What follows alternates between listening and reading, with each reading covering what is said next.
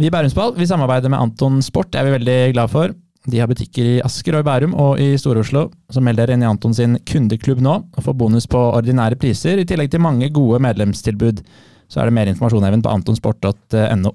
Ja, Det er bare å besøke sin lokale Anton Sportbutikk for de kuleste merkevarene og den eventyrlig gode servicen. Og da er det nok snakk.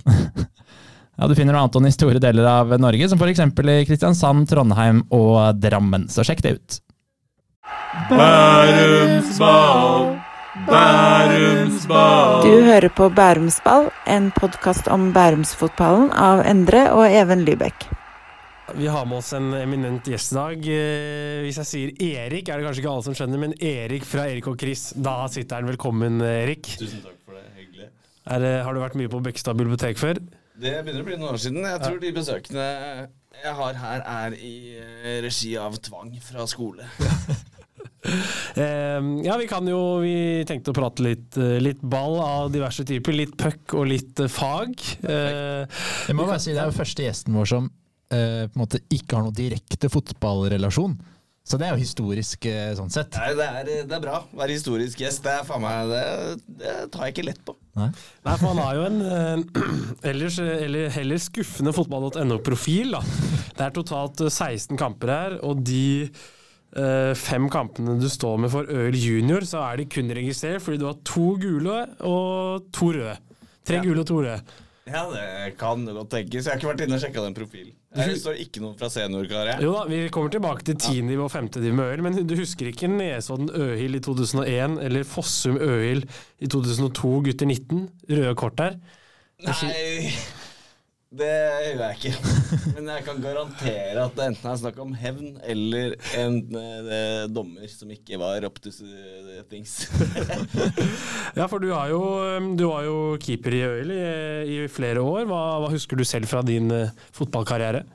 Det er mye. Keeper var jeg bare på slutten, egentlig. Um, jeg har egentlig alltid vært ving eller spiss. Um, så hadde jeg en eh, Mot slutten av fotballkarrieren Hvis du bare kan komme litt nærmere. ja, Der, Perfekt. Eh, mot slutten av fotballkarrieren så eh, spilte jeg et par sesonger for Heming i fjerde. Eh, og så ble keeperen vår skada. Og så ble jeg keeper etter det, og så starta vi opp igjen i, i Øyhild tilbake der. Og da, da var det egentlig ganske digg å være keeper. Um, så jeg er egentlig ikke keeper, men jeg kan være keeper. Uh, og hva jeg husker fra fotballtiden uh, Egentlig veldig, veldig mye. Jeg ser på meg selv egentlig mye mer som en sånn sportsmann enn en musikermann. Ok. Så jeg bare havna på feil hylle, rett og slett. Eller satsa feil, jeg vet ikke. Ja. Du skal sammenligne deg med en spiller. Hvem vil du eh, sammenligne deg med da? Filippo Inzaghi. Ok, Pippo. Mm. Det var vel litt italiensk Ja, det hjerte med Pirlo T-skjorte til og med i dag. No Ja, Pirlo, no party. Ja, jeg visste jo at eh, Erik var uh, Pippo Inzaghi-fan, så tima den til en av uh, Inzagis hva skal jeg si, servitører i glansdagene. Ja. Nei, jeg vet ikke. Nei, jeg er kanskje litt uh, hårete å, å sammenligne med Insagi. Jeg kunne godt spille litt mer tilbaketrukket, da. Ja. Men uh, Nei, jeg tror det må bli han. Ja. er liksom, jeg er ikke spesielt rask, spesielt høy, spesielt sterk, spesielt godt skudd. Jeg har alltid bare vært jævla god på å skåre mål. Hva med som keeper? Det er jo, for det som er morsomt, er at jeg spilte jo mange år i Øyel. Ja. Og var jo i Øyel samtidig som deg. Ja. Jeg spilte ikke på A-laget i de årene du sto i mål, men uh, fikk meg noen, en sesong i fjerdediv med mange av de du spilte med da du spilte i 2014 og 2015. Eh, hva slags keeper eh, jeg, husker, jeg husker deg, men jeg klarer ikke å se om du var en eh, Gianluigi Buffon eller en mer Edwin van der Sar-type. Hvordan, hvordan keeper var Erik? Ja, hvordan keeper var jeg, ja? Jeg var eh, ganske bra shotstopper, ganske bra én mot én. Ganske dårlig i feltet. Jeg er 1,80, liksom. Og i de lave divisjoner så er jo alle spissene 2,30. Eh, nei, jeg vet ikke. Jeg, skal jeg sammenligne meg med der, da? Jeg veit ikke. Det er vanskelig spørsmål, men uh, ja, du, du nevnte litt, men keeper, altså, du hadde kanskje ikke sett for deg det? Å avslutte eller spille et par kamper der? Uh, Nei, det var, nei, egentlig ikke. Men uh, jeg er litt sånn eh, Jeg er fra den generasjonen som har vokst opp med å spille på Løkka mye mer enn vi har vært på trening. Eh, og eh, jeg har alltid vært like glad i å stå i mål på Løkka som å skyte. Så at når vi trengte en keeper, eller keeperen vår i en match ble utvist eh, liksom fra vi begynte å spille elver, så var det alltid jeg som sto. Ehm, og så tror jeg, jeg eh, Det er litt som politi og tyv, da. At eh, jeg tror hvis du er vant til å være spiss, så har du kanskje noen av de egenskapene som du også trenger fra keeper. For det er på en måte to sider av samme sak, da. Ja. Um, tror jeg. Men mest fordi jeg syns det var gøy, da. Ja. Vi leser videre på Wikipediaen. Mortvedt er også en profesjonell bandyspiller for Øyel. Det er du ikke. Nei, ikke det er jeg ikke. Du var. Profesjonell? Da skal du jo ha lønn nå, så ikke? Det har jeg aldri vært. Men jeg har spilt uh, øyelbandy i Eliteserien i noen sesonger, da. Ja. Han, var, han har vært aktiv med sporten siden han var seks år gammel og spilte av klubben var i Eliteserien for noen år siden, selv om musikkarrieren etter hvert satte en demper på idrettskarrieren. Og da har vi fått innspill fra en som spilte med deg på bandyen, som skrev eh, etter klubbsammenslåingen av Øvrehold og Horsle, bandy allerede vært, lenge vært sammenslått, skulle en ny draktfarge være hvit. Erik designet draktene. Så mange Premier League-klubber la Erik inn en tekst på kragen. Spør om han husker hva som sto. Blågul for alltid. Ok, Og da, for de som ikke kjenner Øvrehold Horsle, Øvrehold ballklubb, hva, hva ligger bak den? Det er mye historikk, da. Eh, Far min var jo involvert som en av de tre initiativtakerne som slo sammen bandydelen av Øvrevoll ballklubb og Horsle uh, back in the days. Eh, og så på bandydelen så endte det da med at vi kjørte det mørkeblå fra Horsle og det gule fra ØB. Eh, til en eh, blågul drakt, som var bandydraktene til det som nå er Øhild. da. Eh, og det var ganske sterkt, uh, men eh, også litt særeget. Så vi ble på en måte glad i det. Uh, så var vi egentlig glad for å kjøre all whites når det kom, for det var fresht og annerledes og kult. Jeg har alltid vært dustete, dustete opptatt av drakter og Ja, det kommer vi tilbake til senere, ja. de tingene der. Eh, så jeg kunne ikke la noen andre kåle til de greiene der. Så det var bare å ha med en liten referanse til historikken, da. Apropos både far og eh, fotball og bandy, så har vi fått innspill fra en, en eh, nær muldvarp som har sagt at uh, hadde en far som var trener i mange år. Petter han la opp til fotball og bandy fredag kveld, lørdag morgen og søndag morgen, sånn at gutta ikke skulle få lov til å begynne å drikke. Ja, stemmer det. Hva, hva lå bak den eh, spinnville avgjørelsen? Ja, det var det du sier. Bare. Det det, ja. eh, altså, vi var en ganske sunn og sportsglad gjeng. Hele min guttekrets fra Horsle skole og den delen av kretsen eh, er eh, 95 fotball- og bandygutter. Så vi var egentlig mest opptatt av å spille fotball og bandy, og det var i de ungdomsårene, sånn 14, 15, 16, eh, så hadde vi trening sent på fredagskvelden og spilte i den der eh, møbelhallen på Kadettangen og ja, eh, jeg tror det var eh, strategisk fra, fra bl.a. farteren, så at det ikke var eh, sjanse for å havne ut på noe annet. Det er vel 83-kullet, da, hvis det er noen som hører på som husker. Jeg spilte jeg ikke mot han, ja, det var 83-laget. Ja, det var det. Var det sterk, bra kull, er, det er det noen som ble noe derfra? Uh, ja, mange som har blitt noe, men jeg tror ikke det er noen som dro det veldig langt. Altså, Bandyspillere var det jo noen som Altså var bandy vi endte opp med å drive det lengst. Men jeg diskuterte det med, med Chris, faktisk. Fordi eh, vi var ganske bra Ja, vi var et bra kull, og et stort kull. Uh, vi hadde jo på et tidspunkt tre seniorlag i bandy. Uh, for det var faen ingen som slutta. Uh, så uh, så det, var, det var mange bra. Jeg tror den største prestasjonen vi hadde, var at vi, vi, vi slo guttelaget til IFK Göteborg. Det var det året etter de vant en Europacup. Og var megaproffsiga. Det var ikke vi. Men, eh, så vi var, vi var et bra lag. Eh, eller to gode lag, for så vidt. Um, men vi følte jo at verden var fryktelig fryktelig stor på den tiden. Det var aldri egentlig noen sånn clear path hvis du har lyst til å satse. Hva gjør vi da?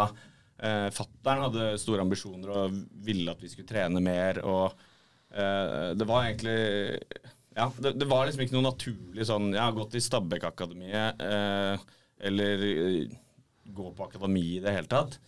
Så jeg tror kanskje det hadde endt opp litt annerledes hvis vi hadde vært på den alderen i dag. Um, og da blir igjen bandy en jævlig bra arena, fordi der kan du drive på øverste nivå i landet med kanskje én til to til tre treninger i uken. da. Som Du kan egentlig drive det som mosjonist, men på høyt nivå. Og det er en dødsbra kombo.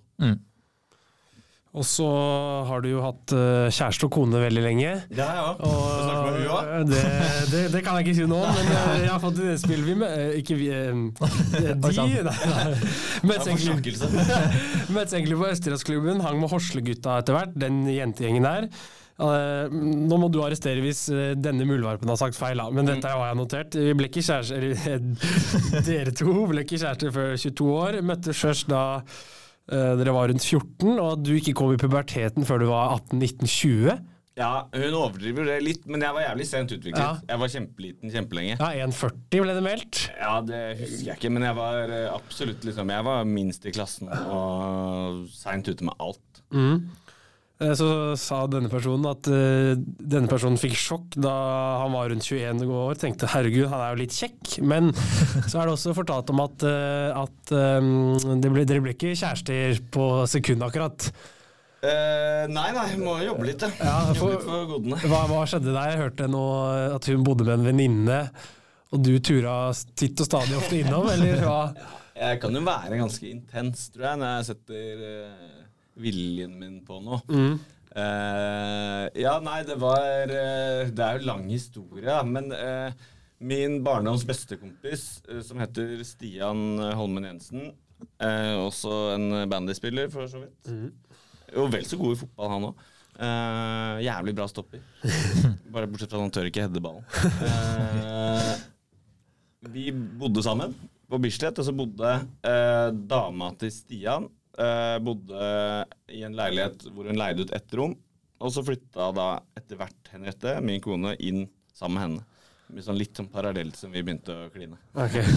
Ja, for da er du meldt. eh, Han har alltid vært stor i kjeften. Han maste et halvt år. Jeg måtte gi etter til slutt. Jeg tenkte at han var gal i starten. Jeg var ikke interessert i det hele tatt. Eh, Jeg bodde med Lene, som var gift med Stian Holm Jensen. Han ble med Stian hver dag. Eh, ja, nei, jeg vet ikke. Det er, det er vanskelig å benekte alt, da, men uh, nei, så gærent tror jeg ikke. Jeg tror jeg var ganske intens. Ja. Ja. 2005 var da ble sammen. Det tror jeg stemmer. Ja, og da er det noen år før her hvor, eh, hvor kanskje flere får øye opp for Erik og Chris og en uh, spesiell sang under russetida. Kan du ikke fortelle litt om den?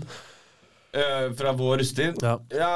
eh, storyen der er ganske enkel. Jeg var eh, glad i og opptatt av den skolerevytradisjonen som vi hadde på Ekeli. Eh, var med der som skuespiller i eh, andre gym. Det var liksom eh, gullåret vårt. Eh, og så skrev jeg et, et, en, sketsj, basically, som handlet om at eh, at eh, de fra Bærums Verk var så jævlig bade, og vi andre fra Eikeområdet var ikke det.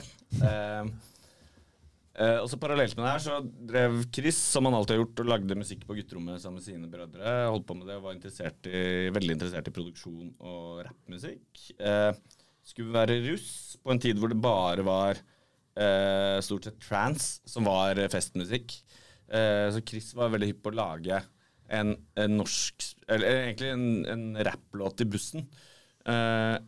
Jeg hadde da blitt glad i norskspråklig rapp. Sånn Apollo og klovner og de tingene der.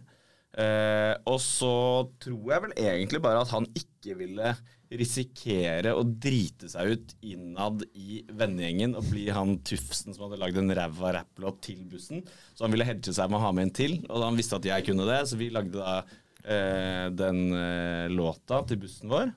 eh, som het Legenden. Eh, låta er jo sånn som så. Det, vi har aldri spilt, jeg har aldri spilt en rap- rapplåt før, så det var ikke noe Det, det er ikke noe Hun får ikke noe nobelpris av den låta, men den, den, var, den sto veldig ut i forhold til de andre låtene. Så ikke minst så ble bussen vår jævla kjent, da. For det var et enormt satsingsprosjekt for oss, den bussen. Eh, og så ble vi vel egentlig veldig glad i det at folk hørte på låta vår. Så jeg husker, jeg husker her på Bekkestua, faktisk, da var Mækkern eh, oppe på Samson. Og så var sånn, jeg kom ut derfra, så kommer det først én bil kjørende forbi med vinduet åpent, som liksom bounsa vår låt. Eh, og så litt lenger ned i gata så kom det en annen bil tilbake og gjorde liksom samme. Og det er sånn hei, Det var jævla gøy. Eh, så fikk vi lyst til å lage mer musikk, og så gjorde vi det på hobbybasis Frem til vi begynte å få requests om å spille konserter, som vi syntes var helt nøl, for vi var jo ikke noe band, og vi hadde jo ikke noe på en scene å gjøre. Og så ja, balla det på seg, så plutselig ble det det, da. Ja, for du har spilt i rockeband nå. The Steaks. Trommis Ja, der, eller? rockeband, ja. ja. Riktig. Var Ja. det før eller etter? Når, eh, når plasserer vi dette inn? ja, når plasserer vi dette inn, da? Det er vel eh, Det ble etablert da han aller første kompisen vår, også en gammel bandy- og fotballstorhet fra 83-kullet, som heter. Peter Willoch, eh, skulle gifte seg. Han har alltid vært veldig glad i Beatles, så vi lagde egentlig bare et, eh, et coverband som skulle spille i bryllupet hans som en overraskelse. Og så var det jævla gøy. Eh, egentlig startet litt på samme måte som det hockeylaget etter hvert startet. Hvor det er gøy at ingen vet hva de skal gjøre. At vi må lære alt fra start. Og så ble det en eh, kul, kul greie med en eh, nær og fin gjeng. Så det var, det var aldri noe satsing eller noe ambisjon i det, annet enn å ha det kult. Ja, for på den tida, så det var Legend 2002, og nå er det litt sånn at russelåtene akkurat i år har vært litt, sånn, litt feelgood, litt fete låter. Ja. På det, sånn 2010-2011 så har du Mad Men Cats, altså sånn drop, kule droppsanger. Hvordan var liksom russemusikken? Du snakka litt om det med trans, men var det vanlig å ha låter for bussene sine, eller var liksom ja, dere det litt var- pionerer? Ja, det, er, det er litt både og. Skal jeg være helt ærlig, så har vi fått kred for ganske mye av uh, ting som gikk vår vei, mye pga. bussen vår. Eh, heter det, eh, eller het det den het, het og at den var eh, Det mener jeg jo til dags dato den kuleste russebussen, hvis man er into that kind of things. Ja, nå prater vi for russefag her. Ja, nå prater vi russefag. Det er jeg faktisk glad i. Eh, men men eh, det som var vanlig eh, blant de andre bussene, og et par år før, det var noen som fikk laget en egen busslåt. Men eh, musikkprodusenter og folk som kunne lage musikk, de var helt avhengig av å ha et stort studio. Det holdt ikke med en Macbook Air og Logic. Du måtte ha synter, du måtte ha masse greier. Så det var, det var ikke noe som hvermannsen drev med. da. Så det, øh, alt Egentlig litt som de fotballakademiene jeg snakket om. Alt var hakket mer utilgjengelig. da. Verden var mye større, det var mye lengre pasning å få liksom, en eller annen halvprofilert DJ til å lage noe. Så det som ble laget, var ofte så som så.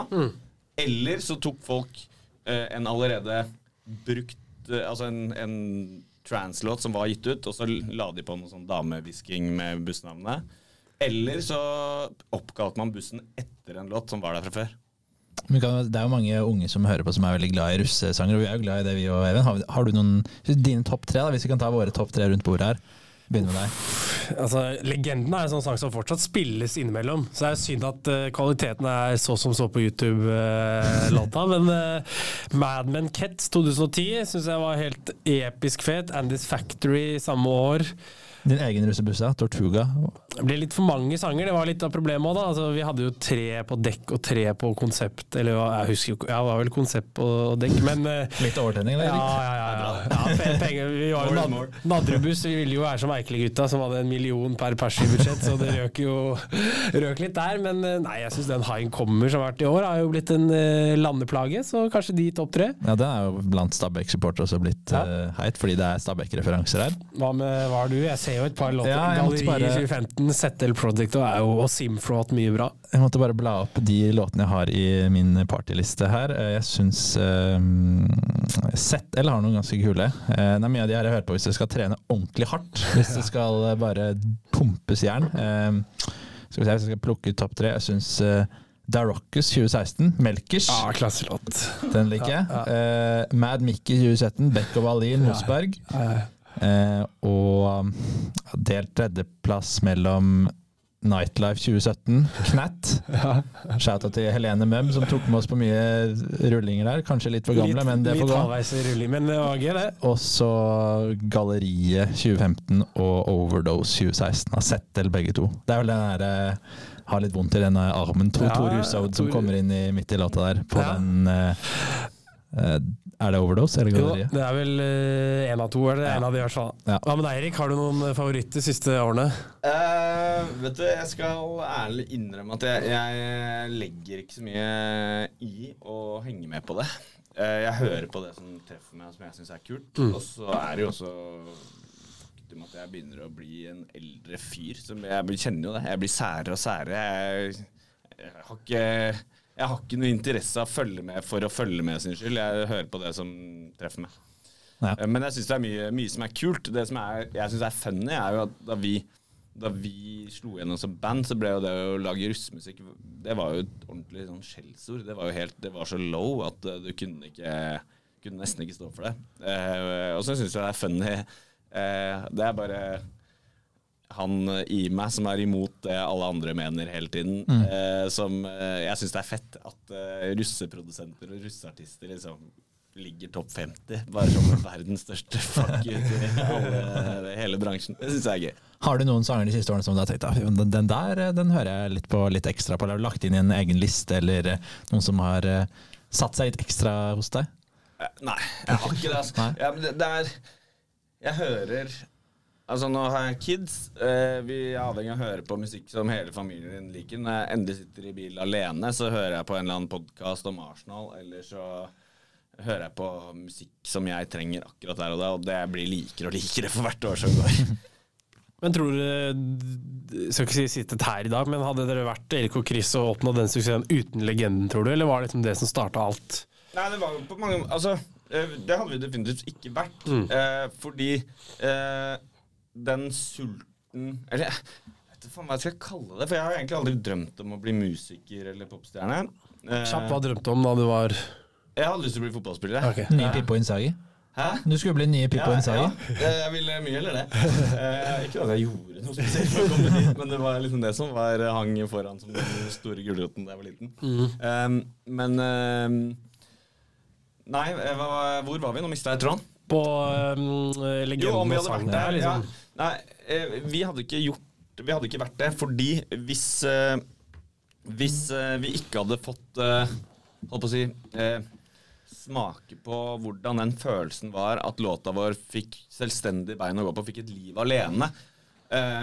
Det var det som fikk de skovlehjulene til å gå rundt. Og det var det som liksom ga oss en push for Hei, det var jævla kult. Det er jævla gøy når folk hører på musikken vår. La oss prøve en gang til. Og så gjorde vi det i noe frem og tilbake, og så lagde vi eh, det neste liksom som funka bra, var i 2004, da vi lagde Bærumsgrammatikk, som er sånn cover av, av en gammel Dirty Oppland-sang som heter Bondegrammatikk. Eh, og så Og det husker jeg var en låt som jeg lå og skrev på senga på hytta om sommeren. Og så ble ikke den ferdig før vi skulle til Hemsedal eh, i juleferien, som vi alltid gjorde med gutta i gamle dager. Klassisk Bærum, det. Ja, det er fint. Det, Ja. det var før alle balltreslåsskampene. og alt det der, men uh, Og så legger du ut Facebook-status. Hems hjerte. Og ikke sånn hjerte, men sånn uh, krokodilletegn. krokodilletegn 3. Rett, et, rett etter så det ikke ble et hjerte. Hvis Ja. du hadde mellomrom innimellom, så ja. Ja. Ja, jeg tror det var før Ja, dataen før den skjønte at du det. kunne lage hjerte. Altså. Men uh, nei. Og så lagde vi Og da kjente vi litt på at man traff en eller annen nerve som var kul, fordi eh, vi oppdaget at det fins jo vestkantfolk i hver by eh, i hele landet. Eh, og Bærumsgrammatikk spredde seg jo godt her i området, men eh, også jækla langt ut ellers. Så lagde vi en låt som heter 'Putt diamanter opp' et par år senere. Og det var liksom på grunn av at de to ble så mye lasta ned, da. Direkte fra hjemmesiden vår. Det var lenge før Spotify og iTunes og greiene her. Det var mye- Limewire, eller? Ja, Limewire. Oh, blant annet. oi, oi. Den følelsen når du fant en låt til slutt, sånn som du kunne få inn i, på Ja. iPoden. Det var da det var kult å ha kule skins på MP3-spilleren sin på, på PC-en. Liksom. Eh, for de som husker det. Ja, ja. Nei, så det var de, de låtene og liksom antall downloads de fikk da fra en, en sær nettadresse som gjorde at eh, folk i musikkbransjen hadde lyst til å gjøre noe med oss. Så nei, vi hadde, vi hadde ikke gjort Det hadde ikke vært et band i det hele tatt hvis ikke det var for Rustin. Så må bare ta det kjapt tilbake til uh, russetida, for det var snakk om et landstreff i Stavanger her, hvor dere vant årets lydbuss, men da skjønte jeg at det var noe i mageregionen din som dreiv og surra. Ja, det var ikke bra. Ja, nei, det var Jeg husker ikke hvor vi dro fra, men jeg tror det var rett borti Rett på andre siden av Nadderudhallen der. Var det en, en av gutta på bussen som bodde i Hubrovei. Så vi skulle dra derfra til Stavanger. Eh, vi er jo sånn ordentlig puddinggjeng. ikke sant? Bare sånne mødre som syr putter og spiser oss på kinnene. Så mødrene kom selvfølgelig med sånn soveposer og matpakker og alt i orden. Så plukka vi opp to dudes som har vært på Mækkern her på Bekkestua da vi dro til Stavanger, og de begynte å spy Ikke pga. fyll, da, men pga. det de mente var matforgiftning. Som er Det er så go to-forklaring når man får noe Ja, ja. Ja. virus i magen, så påberoper man seg matforgiftning. Det er nesten alltid et eller annet norovirus. Men eh, ja, så en etter en så ble mange på bussen dårlig. Eh, Jeg hadde egentlig bare planer om å sove i bussen. eh, og hadde fått et tilbud om eh, en venninne som eh, hadde fått lånt et helt hus etter utsiden av Stavanger. Så jeg hugga til på det ganske sent på kvelden, og da var det bare master bedroom igjen. det måtte luftes, for å si det eh, forsiktig. Ja, da fikk jeg høre Det var spy og dritesyken at jeg faen ikke kan tro det. Hun var på et nach, fikk sove. Neste morgen så klarte vi ikke å kontrollere noen ting. Nei, det, det er eh, forholdsvis presist. Og så sa han også fortell om festene i Kongeparken. Eh, I Kongeparken. Det er vel fort eh, Ja, hovedområdet. Ja, ja. eh, ja. Nei, ja, det, jeg har ikke noen sånne store minner om festene der, annet enn at det var det var sånn det var å være russ på den tiden. Man dro med bussen sin på et landstreff og sto i en ring og blæsta. Hadde fett. Men årets lydbuss, var det best lyd inne i bussen, eller var det riggen Nei, det var ute, da. Ja. Det var jo Ja, med fare for å høres ordentlig gretten og gammel ut, som jeg også er i ferd med å bli, så er det Jeg syns jo det var noe eget med uteanleggene og lyden i kommunen eh, da det var russetid. Jeg savner det veldig. Jeg har alltid vært veldig forlokket av det, helt fra jeg var bitte liten. Av den der litt sånn skumle, jævlig høye, dype bassen som er liksom man hører kommer fra et eller annet sted. Hva er det, hvem er det? Når du ligger og skal sove, liksom? Ja. Ja. Og når du ligger og sover og våkner. Jeg er fortsatt helt kid på det. Hvis jeg hører en russbuss, så løper jeg ut på verandaen. Og det er ganske funny, for jeg bor vegg i vegg med, med han Stian, som jeg nevnte tidligere. Så det er mange netter vi har stått sånn i halvsøvn og myst etter en russebuss, og så plutselig kommer han ut også. Så det er fett, det. Vi i Bærumsball vi tar selvfølgelig ikke høstferie, vi jobba på. Og um, heller ikke høstferie på Anton. Der er det medlemsrabatt på turutstyr nå som det er høstferie. Du får alt du trenger til høstferien på Anton. Sko, jakker, longsleeves og turutstyr. Så bare sjekk ut det er butikker i Bærum, i Sandvika, Bekkestua og Fornebu. Så Anton Sport, det er stedet. Eh, ja, vi tar litt videre. Bærums grammatikk. Uh, si, den ja. låta analyserte jeg på barneskolen. Jeg skulle analysere en sang, og da valgte jeg ut den. Hvordan gikk det? Nei, det var ikke karakter. Nei, det var ikke karakter, men eh, det var, synes jeg var veldig kult å liksom bare sånn, ok, da så, klarte å skjønne litt den der, litt sånn at dere tulla med at dere var fra et sted, og liksom begynte å skjønne det bare, oi, kult at man kan bruke musikk til noe sånt, og det var jo en låt som liksom våre kompiser, alle hørte jo på den, syntes jo det var litt kult, for det var ikke så mange andre som sang om Bærum da, vi gikk jo på Stabæk skole, på det og jeg. Så jeg husker at det var en kul, eh, kul greie. Ja, og Putt diamanter opp, har ikke du en Snapchat-gruppe som het det òg? Jo, det, det er det, så det er mye Erik og Chris i livet, livene våre. Ja, men det er veldig Jeg blir faktisk veldig rørt av sånt. At uh, hvis eh, det setter spor noe sted og er til bruk uh, og en del av en periode i livet til folk, så er det ikke noe hyggeligere enn det.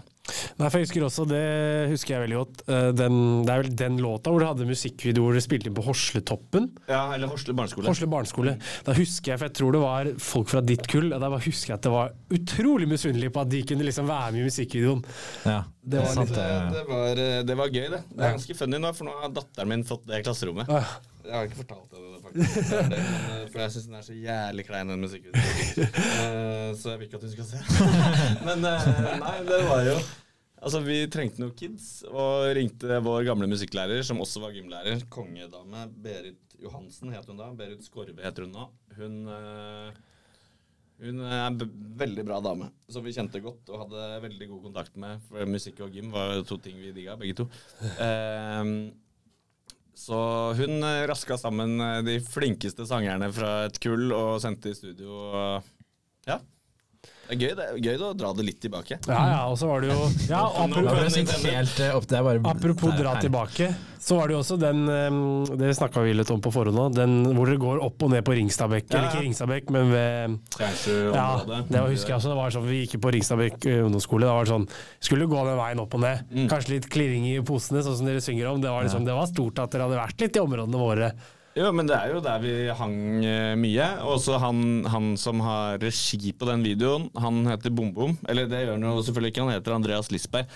Eh, sønnen til Kalle Lisberg som lagde P4 og de tingene der. Eh, og han er jo fra der. Han gikk også på Ringstadbekk, så det var jo mye Location var det jo han som stort sett valgte. Jeg syns husker jeg synes det var litt dritt at vi var på Stabbekkbanen på plassen, for det, jeg vokste opp med å hate Stabekk. eh, altså ikke som klubb, men som eh, motstander på banen. Eh, så jeg syns det var litt sånn her eh, Det her vet jeg ikke om jeg kan stå for-aktig, men så tenker vi at okay, det er jo det er jo ikke noe vits å begynne å lage bråk internt i Bærum. Det er fire kvadratmeter stort, så det er bare egentlig hyggelig. Ja, for jeg skjønte at du elsker Vålerenga. Nei, Nei da, jeg vet at du gjør det.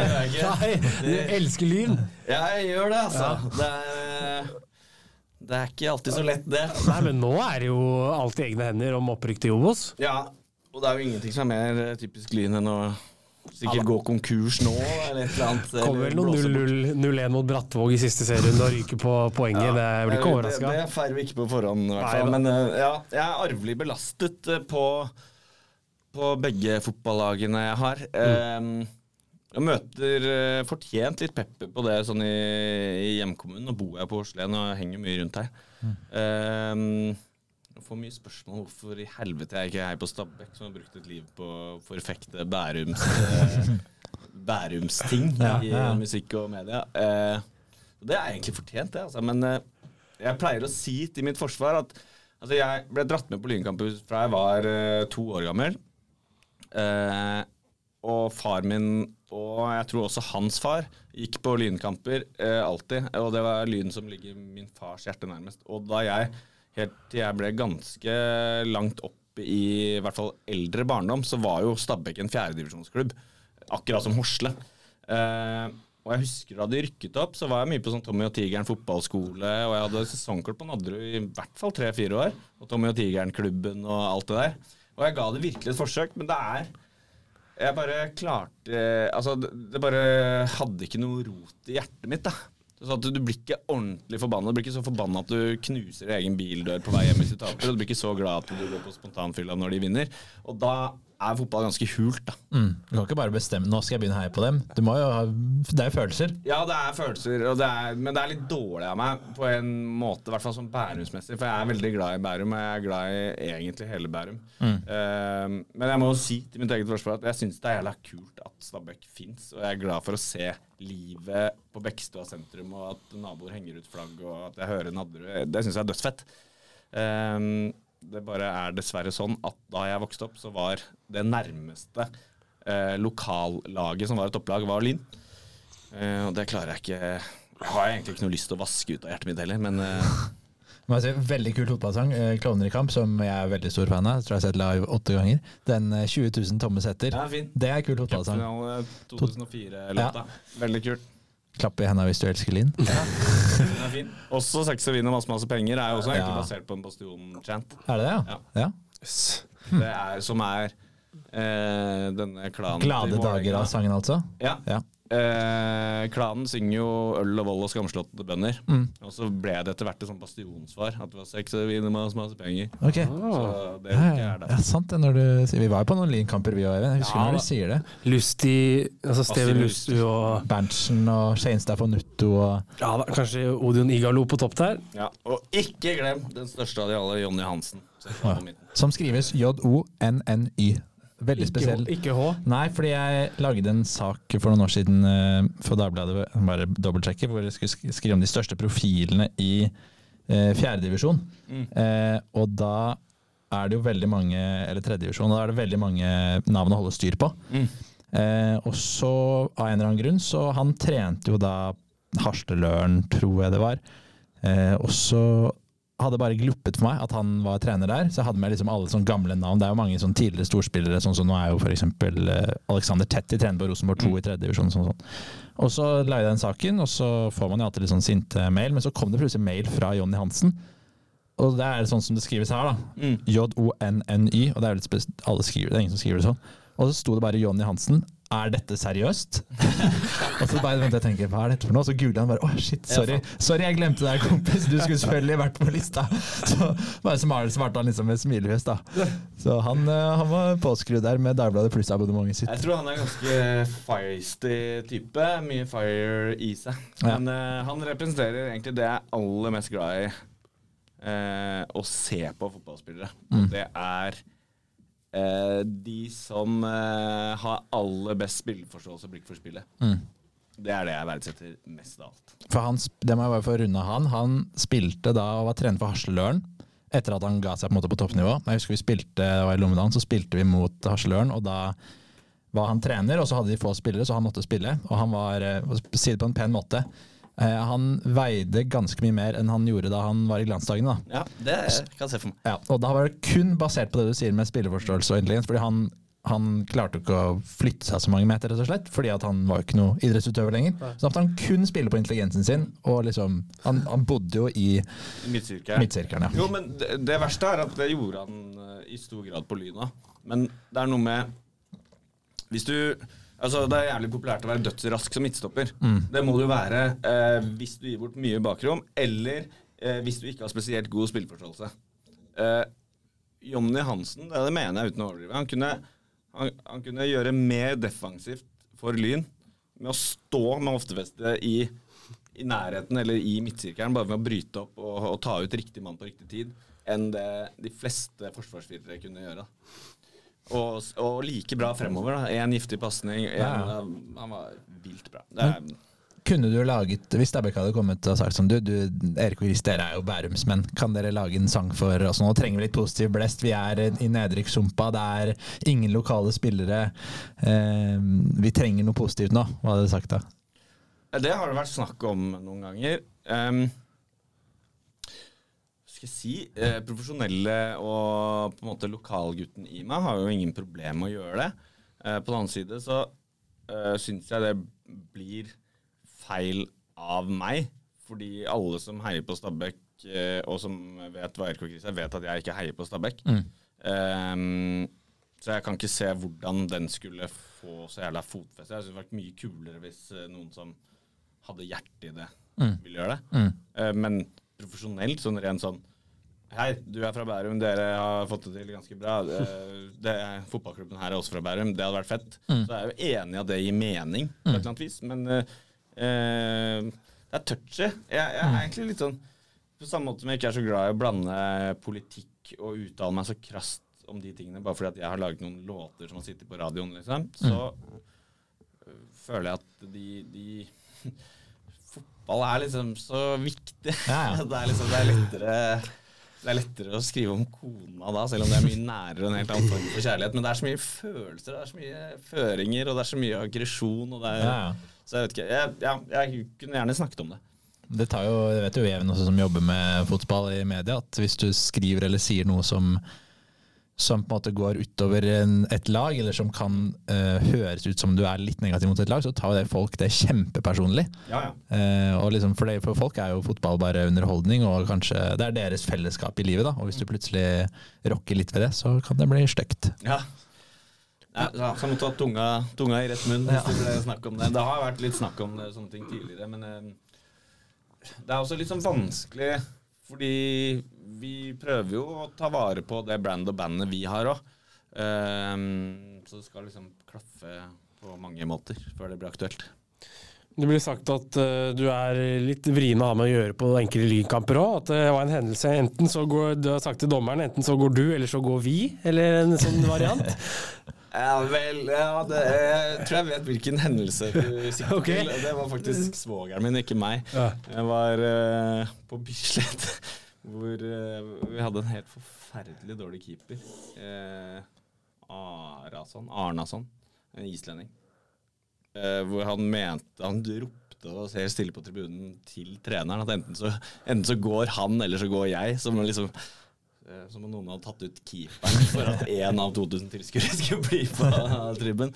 Men eh, ja, nei, jeg, jeg er eh, eh, Jeg er eh, ganske eksplosivt eh, satt sammen, og jeg er eh, absolutt et følelsesmenneske som både jubler hemningsløst når jeg blir glad, og jeg blir fly fette forbanna når jeg blir forbanna.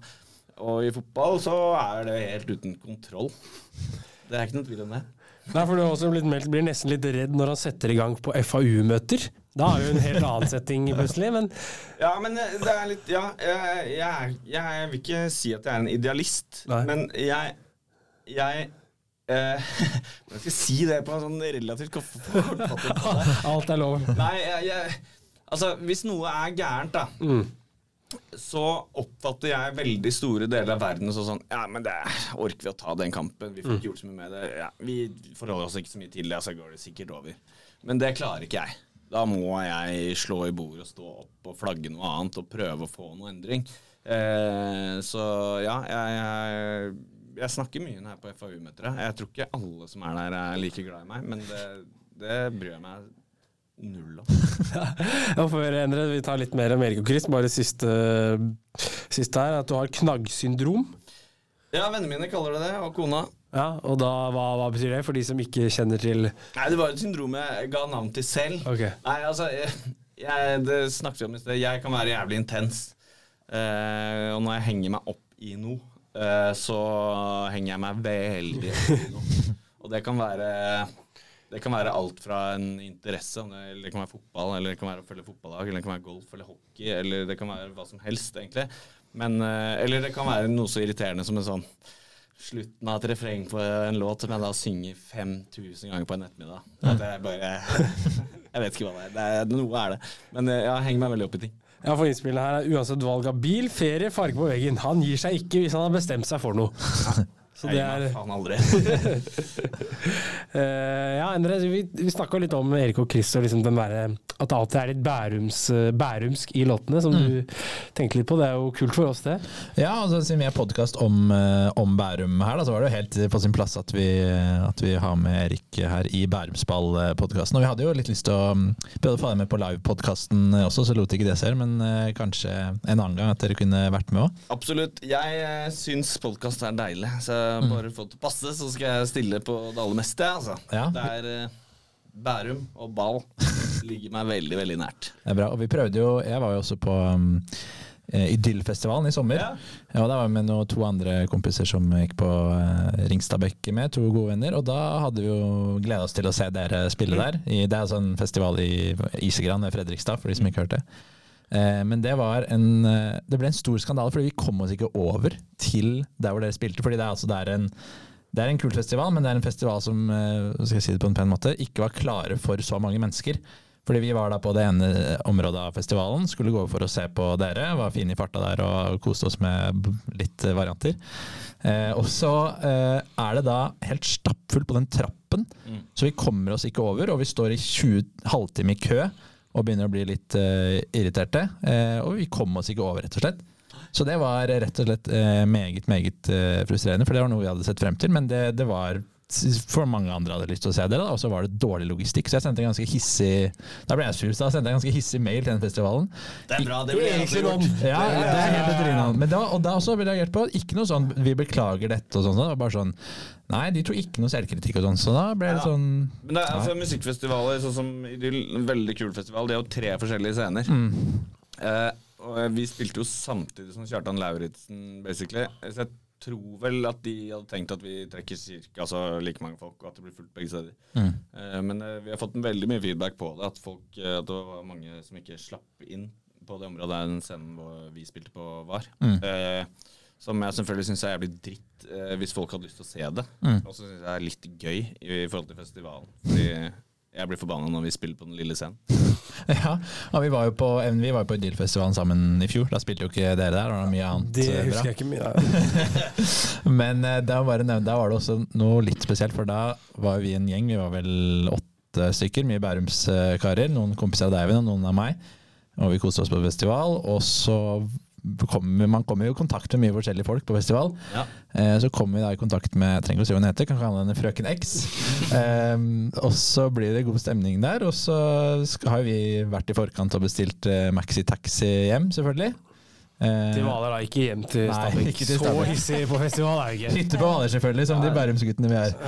Eh, og hun blir da med i denne maxitaxien alene. Eh, Festivalen er ferdig klokken tolv, og det er en, ja, det er en 25 minutters kjøretur ut til Askmoløy der. Eh, og hun blir med alene. Hun er ikke liksom Vi er ryddige karer, hun er ikke sanseløst beruset. hun Liksom. med. Hun er med. Hun er med i toppen og med fysisk midt i baksetet i bussen der. Og så kommer vi fram til hytta. Det er hyggelig å Ja, vi er jo åtte karer, hun er alene der, da. Eh, og så er det hyggelig å Ja, vi sitter egentlig vel og spiller litt kort og drikker litt og litt sånn veldig Ikke noe nachspiel, litt nachspiel, liksom, men det er ikke noe nakenbading, liksom. Og så, og så blir klokka liksom halv tre-tre, og så, nei, så får hun en fyr til å komme fra Fredrikstad og hente henne, da. Så, ok, Det er jo fair, det, men eh, ja. Og så møtte jeg henne dagen etter, og så bare sånn eh, Vi bare snakka litt om det, du frøken X, men hva var på en måte ditt initiativ, eller hva var tanken bak at du ble med i går? Bare lure av ren interesse, da. Og så sa hun liksom det kommer jeg aldri til å glemme, hun bare jeg, bare jeg tente litt på dere, bare sånn rent intellektuelt. dere var kule å snakke med. Sånn, Ok, Så det er derfor du liksom ble med alene klokken tolv på maxitaxien? Den har jeg aldri Nei, og hørt Jeg. bare, ja, nei, jeg synes det var jævlig kult. Dere var liksom smarte gutter. Og det syns jeg var kult, så det ville jeg bruke noen timer på. Ja, Kjipt for han uh, Hoslegutten, som for øvrig er en av kompisene våre, som er naboen din, som ikke fikk det på, som hadde andre planer da, enn henne. Ja, det var noen av gutta som var litt eh, fysende der, Ja, men, uh, men uansett da, win some, some. Sånn er. Men uansett festival, da, fordi det er jo litt sånn Vi er jo tilskuere på festival, men sånn for dere som spiller på festival, hvordan er det hvor- Si en sånn dag, da, sånn som når dere spiller på Idyllfestivalen, hvordan, eh, hvordan foregår det? For det virker utrolig fett. Så mye mennesker og god stemning, og de er der for å se på dere. Hvordan er det på en måte for dere som er artister? Um, det er litt sammensatt. Uh, fordi du sier at de er der for å se på oss. Det er jo det eneste du ikke vet på forhånd på en festival. Fordi du er ett av tusen navn på plakaten, og de bra festivalene selger ut billettene uansett hva som står på plakaten, og før de har et eneste navn på plakaten. Så det, det er sånne eh, grunnleggende ting som jeg ikke liker. Jeg er ikke så glad i sånn påtvungne ting. Okay. Eh, så jeg syns jo det er, sånn sett er mye mer komf når vi skal spille eh, eh, som en act som folk har aktivt oppsøkt for å se. Fordi når det er 30 band på festivalplakaten, så vet jo ikke vi hvor mange av de som har lyst til å se oss. Eh, så jeg er alltid spent på det. Um, og så er det alltid ganske mye mas, for det er mye changeover, veldig mye scenelogistikk og rigg som skal funke, og teknikk som skal sitte på jævlig kort tid. Eh, og det er jo etter hvert Altså, vi reiser jo med elleve pers, liksom, så det er jo et relativt stort apparat som skal funke da, på kort tid.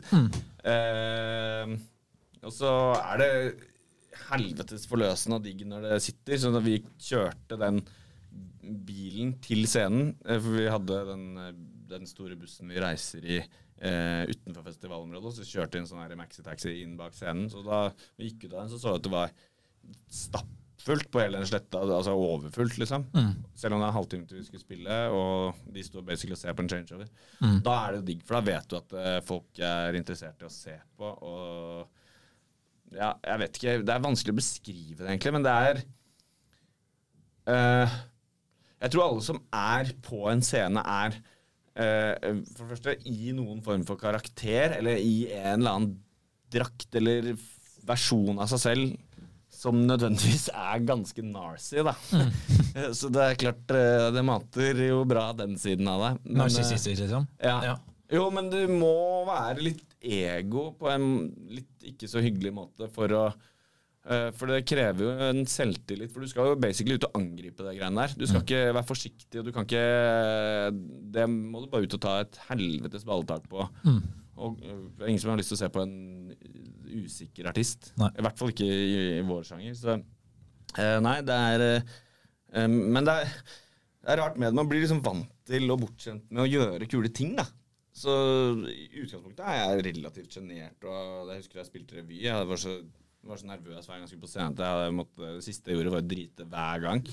Eh, så man blir vant til det, og man blir vant til og komfortabel i den rollen. Da. Men det er klart, det er, det er dritfett. Ja. Når det er sånn, sånn, sånn Siden du ser det er et stort team som reiser og sånn, sånn eh, hvordan får dere på en måte vi, Er det sånn at eh, det blir surt. Har dere lyst til å stille på, eller spille på Idylfestivalen, eller er det bare sånn Nå er vi booka inn på Idylfestivalen sånn og sånn, eller velger dere jobber dere skal ha selv, eller hvordan funker den biten der? Ehm, Ja, altså De elleve vi reiser med totalt, er jo liksom hele den, den faktiske produksjonen. Da. har du en turnémanager, og så har du en eh, backline stage-tekniker, og så har du en FX-tekniker som styrer flammer og poff og paff, som de kaller det. Så har du en lystekniker, og så har du en lydtekniker, og så har du fire mann i bandet og to artister. Eller to vokalister. Mm. Um, utenom det så er det også et apparat på en måte som, som styrer med det. Vi er signa på noe som heter Artistpartner, også super local eh, shit. Eh, sjefen der som starta det, bor på Horsle. Eh, og de holdt til i gamle dyre, dyreklinikken i Nordveien. Eh, og sitter nå nede på Lysaker. Eh, så der har vi alltid dialog. Vi har en sånn vi har noen specs som vi vil skal være på plass før det er aktuelt at vi skal spille en konsert. Hva er det for noe? Bare for de som ikke Nei, det går på høyde fra salen til scenegulvet. Eh, bredde og dybde på scene fra scenegulvet opp til taket. Hvor mange trekk det er, eh, hva slags kapasitet. Eh, eh, ja. Hvorfor det? Altså, jeg, er jo Praktiske ikke ting. okay. Nei, altså, det er praktiske ting eh, som basically bare er der for å passe på at når vi spiller en konsert, så er det bra. Det er jævlig kjørt. Eh, I hvert fall nå, da, hvor alt ligger på Snapchat og Instastory før du eh, har kommet deg hjem. liksom. Så, så, og det er litt sånn, Jeg har vært i dialog med de på Onkel Blå mange ganger. sånn, faen, Det har vært så kult hvis dere bare gadd å komme og spille noen låter. Og mm.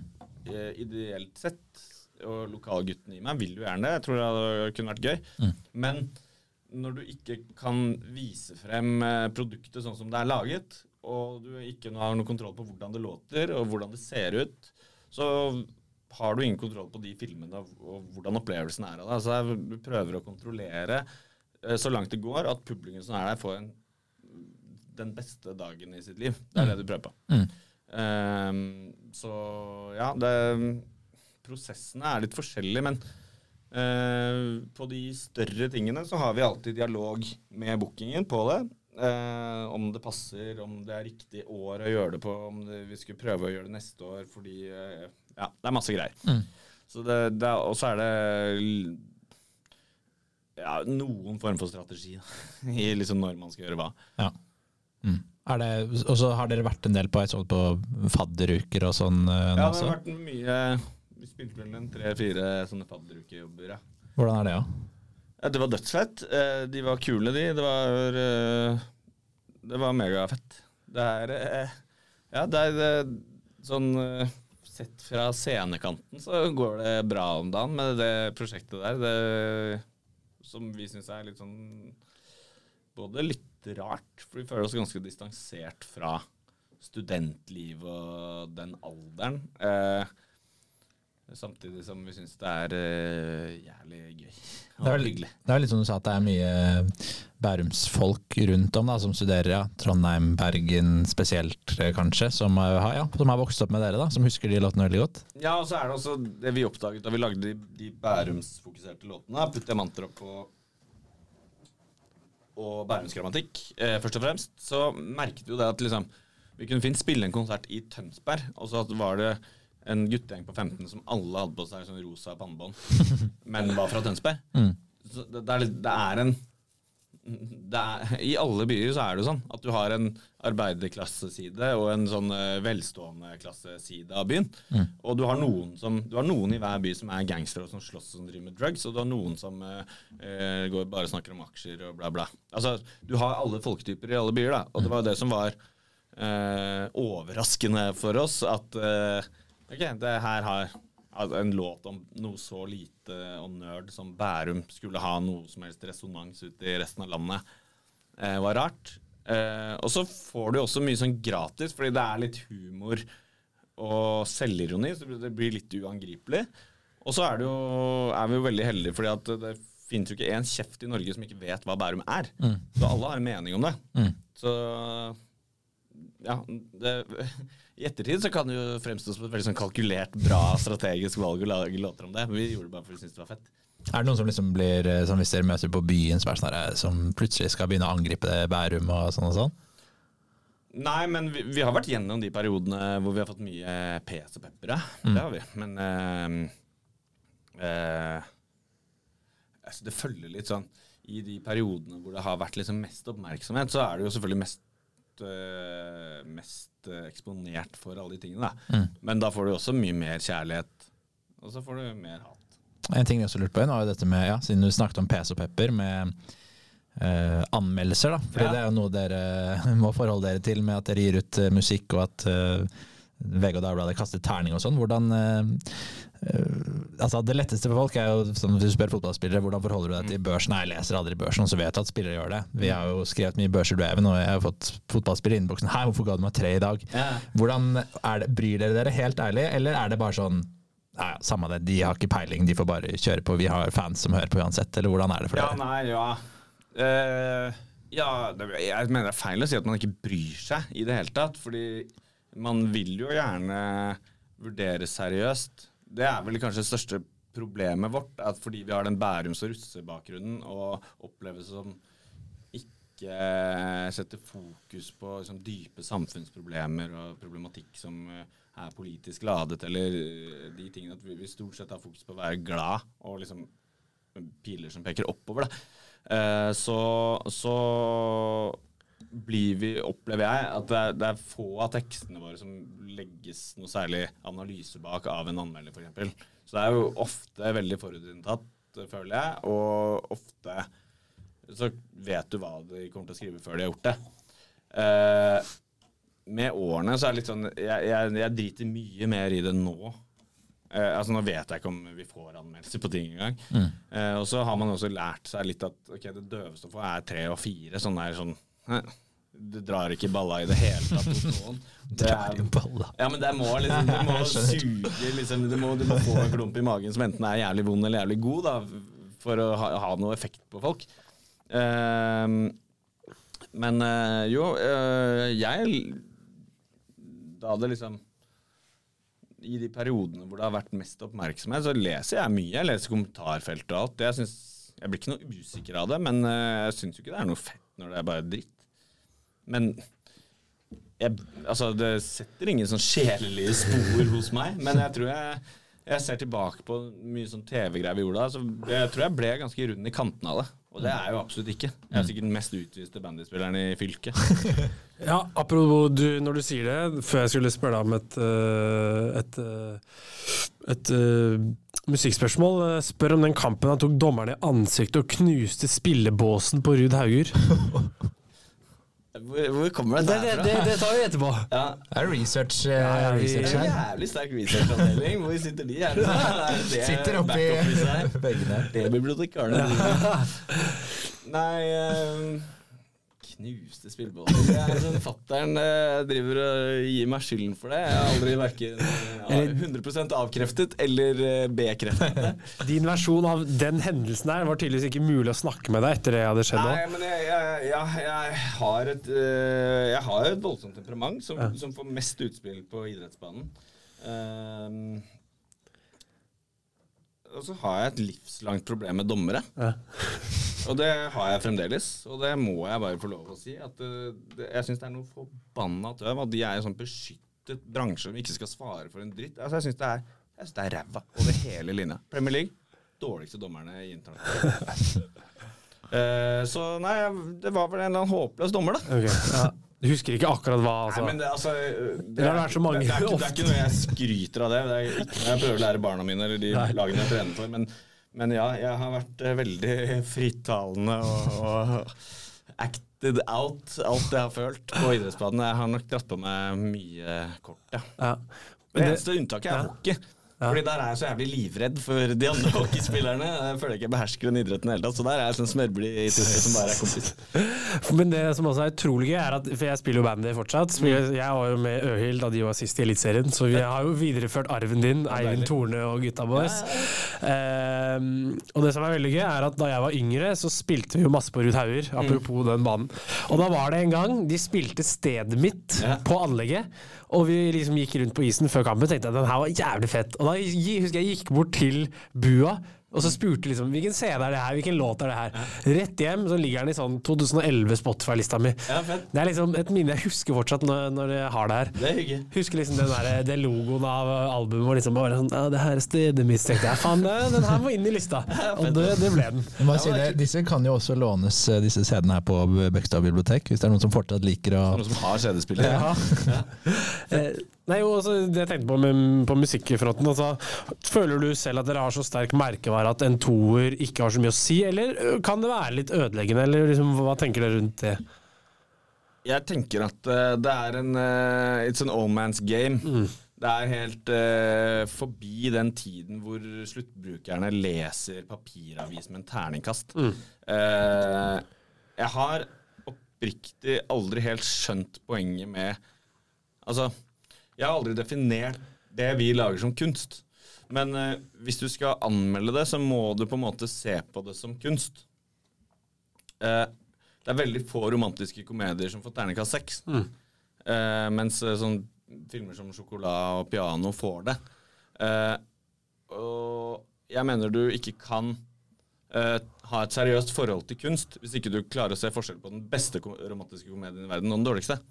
Eh, så hvis man først skal være liksom pretensiøs og anmelde holde på, så, så får man gjøre det ordentlig, og ikke være så forutinntatt. Jeg synes, altså, jeg kan åpne en sak med bare Nå er det, det albumet anmeldt, så vet jeg hva det blir. Mm. uavhengig av hvilket band det er, fordi det skjønner du, og jeg kjenner den, kjenner den bransjen såpass godt. Men eh, dessverre, eller heldigvis, det skal ikke jeg dømme, eh, men jeg tror ikke avisene og skribentene er relevante for musikkbransjen. I hvert fall ikke pop- og populærmusikk på den måten. Det har ikke noe å si. Folk legger inn det de vil høre på på Spotify. Og så gir vel de på 19 nå De vet jo ikke hvem Marius Asp er. Hvem er det? En eller annen anmelder. Ja, han jobber vel i VG. Ja, vel. Men er det, er det liksom deilig for dere at dere har så mange gode låter? Jeg bare søkte kjapt dere opp på Spotify nå. Tre av de inne topp fem. Ja, du kan jo tippe. Topp fem populær. Ja. Eller du kan godt ta én til fem. Jeg vil tippe at uh, Peter Pan ligger sikkert høyt nå, for det er Ja. nyeste. Så Førsteplass. er det Dra tilbake. Andreplass. Ølbriller. Fjerdeplass. Oi, oi, oi. Hva er tredjeplass da? Ti millioner kanskje? plays. Jeg fortjener en øl. Femteplass. To millioner. Det er ti millioner plays, det må være den låta. Det er den låta. Er liksom deilig for dere altså, De tre låtene i midten her er jo sanger på en måte alle kan, da, i anførselstegn. Er liksom deilig å Jeg skal ikke si Det blir feil ord å si liksom flyte på bølgen fra for mange år siden, men alle kan jo på en måte sangene deres når dere kommer og spiller. Eller er det liksom litt Eller hvordan forholder dere dere til det? Hvis du skjønner hva jeg mener? Ja, nei, altså eh, Vi er veldig stolte av det. Og vi er veldig glad for det. Og vi er, prøver å forholde oss ganske ydmyke i forhold til det, for vi føler jo på mange måter at det, det er ikke gitt da, at nye lyttere kommer til det. Så eh, sånn generelt for låter så opplever jeg det sånn at de låtene som er best av de vi har laget, uh, enten som rene hits eller som, som poplåter, de får et liv eh, som vi ikke kontrollerer, på en måte. Og det er jo det gøyeste. For det er jo musikk som vi lager for at det skal bli brukt. Eh, vi prøver egentlig å tenke ganske nøye gjennom hva denne låta her skal brukes til før vi lager den. Eh, og ha en sånn jeg vil ikke si kynisk, men ganske sånn eh, pragmatisk tilnærming til i hvert fall hvordan vi starter å jobbe med en låt. Ehm, og vi har en låt som heter Min favoritt, som vi lagde på en eh, EP for noen år siden. Som jeg tror ikke den har vært på radio én gang, men den reiser vi jo land og strand rundt med, og folk kan den. Eh, hvert ord, liksom. Og det syns jeg er veldig gøy, når en låt eh, overlever i den jungelen der uten at den egentlig har fått noen forutsetninger for å gjøre det. da. Så man blir eh, stolt og glad for det, og ja, ydmyk på en måte. da. Jeg, vi tar ikke det for gitt på en måte. Og jeg, det er eh, Jeg tenker ikke så mye på det, skal være ærlig. Jeg, jeg er en helt vanlig dude. uh, så det er ikke noe sånn jeg går og tenker på til daglig, men jeg ser jo jeg møter jo litt nå i møte med barna mine, og sånn, hvor jeg plutselig møter en storesøster eller en storebror som er opptatt av og vet det og hører på ditt og datt. At det er jo kanskje rart. Har du noen favorittlåter av de dere har laget? Som det er sånn, det, Den syns jeg vi traff skikkelig bra på. Den er min favoritt. Um, ja, det har jeg jo, men man blir ganske biased, da. Fordi mm. uh, Det Særlig de som er laget for å være hit. Hvis de sitter, så gjør de så jævlig mye jobb for meg og Chris. At uh, det blir man jo glad i og glad for. Og så er det mange ting man er eh, nøyd med på forskjellige låter. Hvis jeg skulle liksom ta en låt som jeg syns er kul som jeg har lagd, så er det 'Lighter'. Tenner meg som en light. Ja, for den synes jeg er var, låt og musikkvideo, ikke minst. ja, det var, også det var på en tid da hvor det var kult å plutselig lage Det var ingen norske som liksom lagde en sånn Diddy-video som var så jævlig hårete og damete og blåsig og harry, liksom. Så det, det syns jeg var jævlig gøy. Og sånn var liksom hele den prosessen fra vi begynte å skrive den låta. Og den ble, den ble liksom akkurat det vi prøvde å lage den. da Sånn litt sexy og dirty og mørk og fet. Eh, Så den er jeg glad i. Og så er jeg selvfølgelig jeg er veldig glad i å dra tilbake, eh, naturligvis. For den er, det er kanskje den eh, man har mest eh, eh, Sånn såre følelser rundt, da, eller, eller nostalgiske følelser rundt. Eh, og så er det låter eh, jeg syns 'Etter regnet' egentlig er kul, fordi det er en oppelåt som har et bra budskap, eller som har, egentlig oppsummerer det i den grad Erik og Chris har et budskap, så er det liksom egentlig det. Eh, og det er jævlig vanskelig å skrive Det er mye lettere å skrive en kjærlighetssorglåt når du har kjærlighetssorg, fordi alt blir bare trist. Mens å skrive noe som er oppe og positivt, uten at det høres corny ut, er fette vanskelig. For å si det på jæklig godt nå. Det er jo, men det er jo enormt mange låter som man kan, da. I hvert fall for oss. Altså, når du nevner de her nå, det er liksom 'Tenner meg som en lighter'. Vi satt jo så på musikkvideoen der og bare tenkte 'å, fy fader, så fett', liksom som 14-åring, da. Ja, ja. Sånn der, At de våger å ha med de damene der, liksom. Ja, ja. Ølbriller sånn. Alle, alle kan jo alle de sangene her. Det er ikke meg, det er der. Sånn, med en av dem kommer på vors hos oss, og jeg er jo da 26 og du er 28. Alle kan jo de. Og det er, liksom, det er jo det som er så kult, da.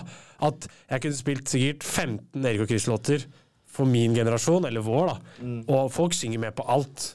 Ja, det er, jeg syns nesten det er ubehagelig å høre. Jeg blir flau av det på en eller annen måte. Det er kult, sånn da. vi- det er sånn altså, det er dritfett. Jeg bare syns det er er- It's only me. Det er, Ja, men det er jo- det er sånn- Det er bare musikk. Det er som da vi var eh, ja, barn og ungdom og liksom vokste opp, eh, i hvert fall Even og jeg, da, så var det sånn Det er noe man identifiserer seg med, for de snakker, de, ikke sant, dere sang jo om, jo synger om stedet vi kommer fra, kommunen vi kommer fra, og det er det jo ikke så mange andre som gjør, på en måte. Og da blir det sånn man føler en tilhørighet. Ja, de snakker om de stedene der, og de har spilt inn musikkvideoen på ungdomsskolen vi gikk på. Liksom, det føles veldig nært. Da, da føler man litt sånn fellesskap og tilhørighet til det, og det mennesker eh, Ja da. vil ha i livet Og det, sitt. det, det er eh, Når du trekker de litt store linjene her. Ja, ikke misforstå. Jeg, jeg syns det er eh, Jeg blir faktisk veldig berørt av det. Jeg, jeg syns eh, Jeg syns det er Det er bare Grunnen til at jeg, jeg føler meg liksom flau rundt det, at jeg føler at eh, jeg har ikke fortjent Altså, det er for, det er for For meg er det mye viktigere og mye større enn noe jeg klarer å lage. Så jeg føler ikke at jeg fortjener det, på et vis.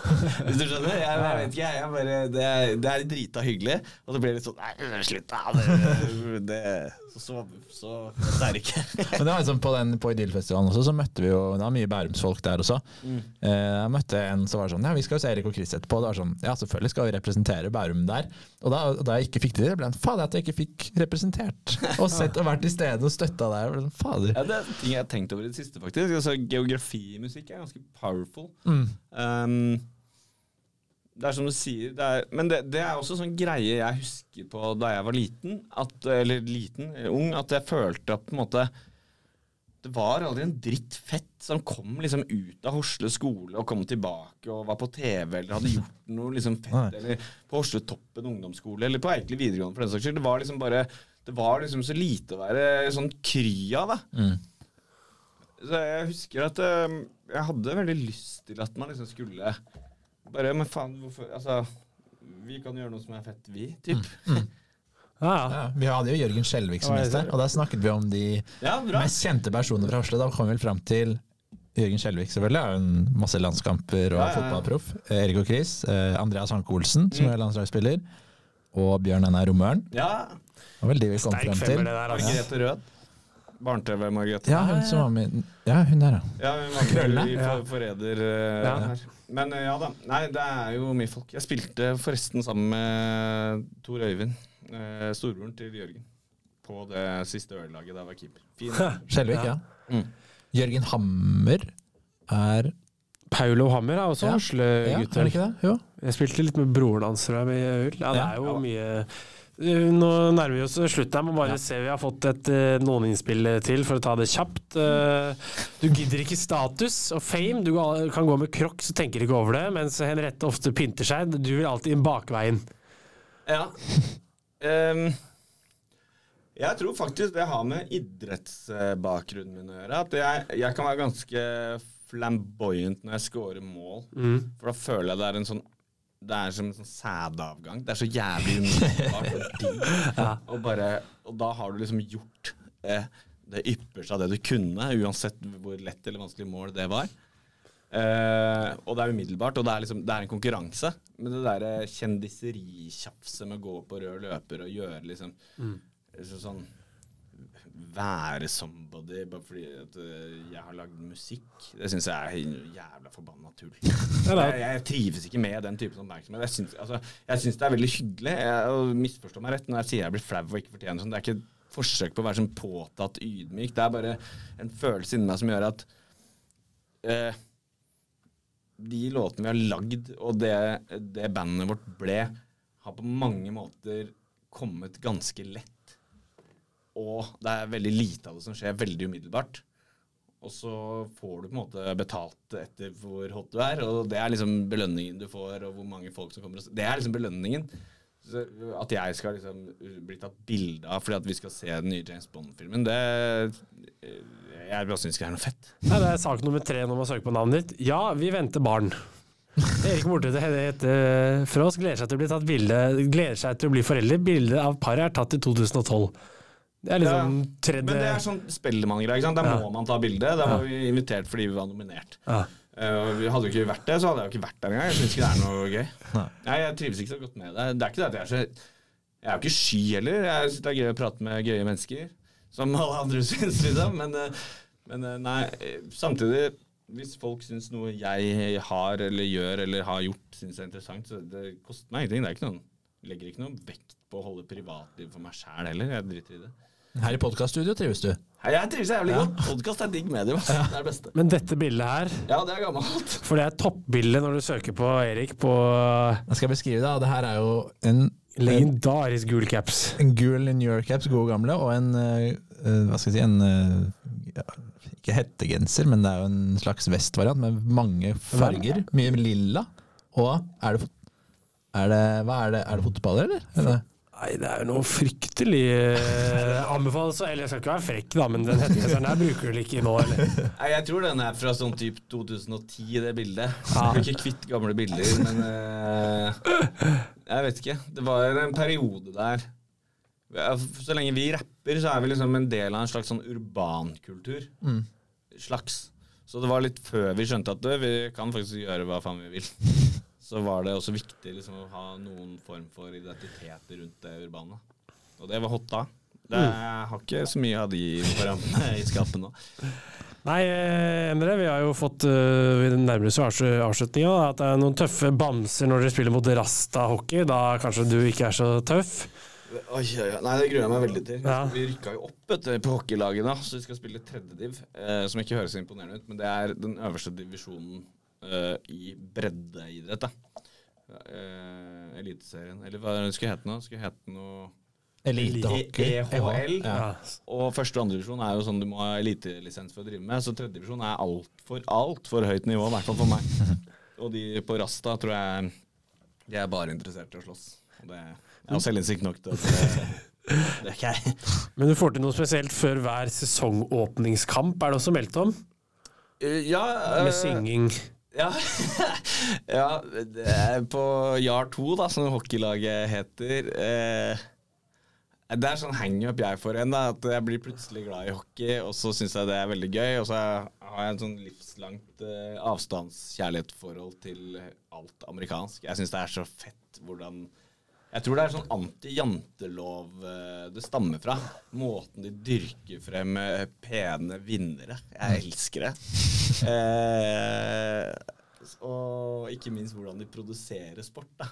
Eh, så det har blitt en greie på Jar at eh, vi, når vi har home openers, som det heter, eh, så gjør vi mye ut av det. Hadde, hadde, på den aller første så var Lisbeth Hammer Krogh med sånn ceremonial puckdrop. Akkurat som på NHL. Sandra, Sandra Lyng som sang 'Jeg elsker'. Oi. Det var masse flott. Altså, det var det, var det jeg fikk innspill om at det var en ny kjent artist som sang nasjonalsang hvert år, stort sett? Jeg prøver. Det er vanskelig, altså. For det det er noen jeg ringer som uh, syns det her er helt utrolig teit og lættis. Ja, ja. Som selvsagt kommer en sånn dag og prøver det. Og så er det andre som ikke svarer engang. Som bare Hva faen tenker du? Er for meg. Eh, så vi får se hva det blir. Altså, det, er, eh, det krever litt innsats. Men det, det er sånn Jeg syns det er veldig, veldig gøy å gjøre mye ut av sånne ting som jeg digger. Eh, og gjerne sånn prosjektbasert. Og aller siste så var det et utdrikningslag i Krakow som eh, man tydeligvis brukte åtte timer et visst sted, like mye som en arbeidsdag, at dere var veldig mange timer på et bestemt sted man kanskje ikke skal være så mange timer på. Ja, det er øyet som ser. Ja, det er jo en utrolig hyggelig klubb. Ja, vi kan ikke si hva slags klubb. Mange som, eh, Nei, vi kan i hvert fall si at alle involverte fikk VIP-kort ved, ved utgangen. Det var utrolig det flott. Altså Krakow, nydelig by. Veldig, ja, det var mitt eget utdrikningslag. Ja For å si sånn, Dere besøkte ikke en fotballklubb og fikk VIP-kort der. Såpass kan vi Det var ikke en fotballklubb, det. Nei, det- men uh, det var, uh, det var kjempeålreit. Ja. Veldig, veldig ålreit. Og må jeg si også, jeg har en uh, god kompis som hadde litt med å gjøre med deg i forbindelse med at de planla en sommerfest på jobb. Ja. Fordi du jobber vel litt Det er ikke bare Erik og Chris, du er vel litt Hva er det han sa? Jeg spurte jeg, hvordan, hva vil du si er tittelen hans? Han sa han han var liksom partyfikser, partyplanlegger, booka artister og ordna til en sånn sommerfest. Det er litt, sånn, litt det du holder på med i tillegg, som er vanlig jobb, eller? Ja, jeg driver et uh, ventefirma sammen med to andre kompiser. Så det er stort sett det jeg gjør på dagtid. Jeg hater å bli kalt partyfikser, for det er eh, Ja, det er litt mer uh, Vi vektlegger å bygge kultur hos de bedriftene vi jobber for. eh, som sånn sett er liksom et litt eh, større fag. Men eh, ja, vi lager jo rene fester, da. Vi gjør jo det. Og så siste, de som vil se Erik og Chris. Jeg prøvde å søke litt, Er det bestemt noe Dere skal spille på Foma på Fornebu neste år, vel? 2024? Nei, det har ikke jeg fått med Ok, jeg syns jeg så noe eh, Ja, men så- sånn det har vært jævlig mye spørsmål om det, men greia med Foma, i hvert fall så vidt jeg vet, da, er Ja. at vi spilte der det første året. Mm. Eh, altså ikke sommeren som akkurat har vært, men eh, året før. Ja. Og i eh, holdt på å si eh, kommunikasjonen og reklamene og liksom de, de snuttene de har lagt ut gjennom eh, promoperioden sin, så har vi vært vist noen ganger. Ja. Så det er veldig mange som har trodd at vi skal spille der eh, i, skulle spille der i år, Ja. som vi ikke skulle. Og jeg, jeg har ikke hørt noe om at vi skal spille der 2024. Det kan godt hende uten at jeg har fått med meg. Jeg er ikke up to date på alt, jeg, altså. Men eh, Nei, vi får se. nei, neste show Vi skal spille om et eh, par-tre uker på eh, Eller det vet jeg ikke om jeg kan Jo, jeg kan sikkert si det. Vi skal spille på Handelshøyskolen. Ja. Eh, igjen, spilt der noen ganger før, så det blir, eh, det blir gøy. Uh, antageligvis. Jeg tipper at det er noe sånn studentting, siden jeg er på Handelshøyskolen. Mm. Og så blir det vel litt roligere. Skal vi inn i hula igjen og lage et nytt show og sette sammen noe nytt. Så neste, neste sommer blir Den blir fett. Sommeren 2024, er det da Eller 25. Jeg er ikke helt 25? bestemt ennå. Men det, det kommer til å bli ordentlig gøy. Ja, kult. Da gleder vi oss til det. Skal vi være tidlig ute sånn at vi får sett, eh, sett dere live. Ikke bli stående i noen trappekø denne gangen. Nei, og det Nei, men eh, altså, det er jo dødsdøvt når folk ikke får, eh, får se. Eh, eh, em, vi får håpe at eh, at eh, amfiet er stort nok for publikum neste gang. I, og tenker at det er et klassisk ilandsproblem i den bransjen. Bare runda med Foma, så står det altså Jeg bare søkte Erik og Chris Foma kjapt her. Det er jo en Fornby altså Fornebu Music and Arts Festival. Eh, så står det Erik og Chris Foma, Fornby Music and Arts Festival 6.-7. juni 2024. Men så står det under Spiller på Fornebu Music and Arts Festival 17.6.2022, så det er litt sånn misvisende her. Men eh, vi håper å se dere kunne spille i nærområdet en eller annen gang i løpet av neste årene. da. Det er, jeg håper jo det sjøl. Vi har vært heldige og fått spilt eh, både på Valstrandfestivalen og Foma og fått gjort noen ting lokalt. Mm. Eh, det, er, det er enda mer sketchy, for da er vi i hvert fall nervøse for om vi har sagt noe gærent, eller at vi har terga på oss noen, eller at vi har gjort noe som er ugreit. Og ikke minst om folk fortsatt syns det er hyggelig. Men eh, vi håper jo at vi får spilt litt i området her òg. Det er gøy, det. To veldig kjappe. Altså, hvis du får ti sekunder å beskrive den eh, normale Erik og Chris-fan på konsert. Veldig kort, hvis det er mulig. Kanskje det ikke er mulig. Det er vanskelig. Det er så Alt mulig. Rosa bandana. Nei, nei, det er Ikke nå sånn lenger. Kofliane. det er ofte, ofte overvekt av jenter i publikum. Okay, ja. Det er fint for både gutter som Og så må vi avslutte av med at vi må jo kjapt kåre våre topp tre Ja. Erik og Chris-lister. Ja. Du kan jo starte, eller vil du avslutte? Ja, det er samme, jeg gjør som dere sier. Er det Ja. jeg skulle ha topp Han hadde jo sa jo sine favorittsanger ja, her i stad. Topp tre feteste. Du kan starte, du. Han hadde sine. Uh, vi kan da ta annenhver, da. Jeg syns uh, den som ble nevnt her i stad, uh, Lighter, syns jeg er veldig kult. Da ble jeg litt gira. Enig, jeg kjører I'm bad, I'm single, I'm ready to mingle. Fett, for det er det er ikke fett? Hæ? I'm fat er det. Nei. Det er fett. Ja, Ja ja, da spilles i hvert fall den på vorspielet på lørdag. Ølbriller. Ja, Og så er det ditt igjen. den låta. Altså den, den låta som heter den Ja. låta. Da blir det jo kjedelig. Ikke kjedelig, for jeg er klasselåt. Dra tilbake min andre. Ja, jeg tror jeg, jeg må det. Ensom syns jeg er litt fet. Ja, ja. Undervurdert fet. Litt rolig. Kan, kanskje ikke blæse den på anlegget på lørdag kveld, men baby du kan si ensom.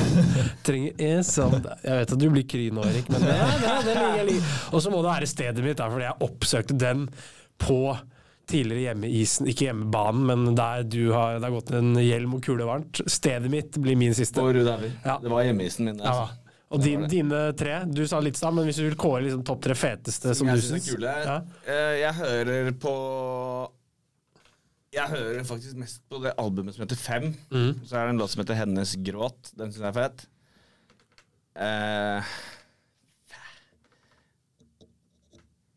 Så Sa Lighter her i stad, som du likte godt. ja, Lighter er jeg veldig glad i. Si uh, uh, Flomlys, da. Ja. For å si noe helt annet. Kult. Det er kanskje noen som ikke har hørt de, som er uh...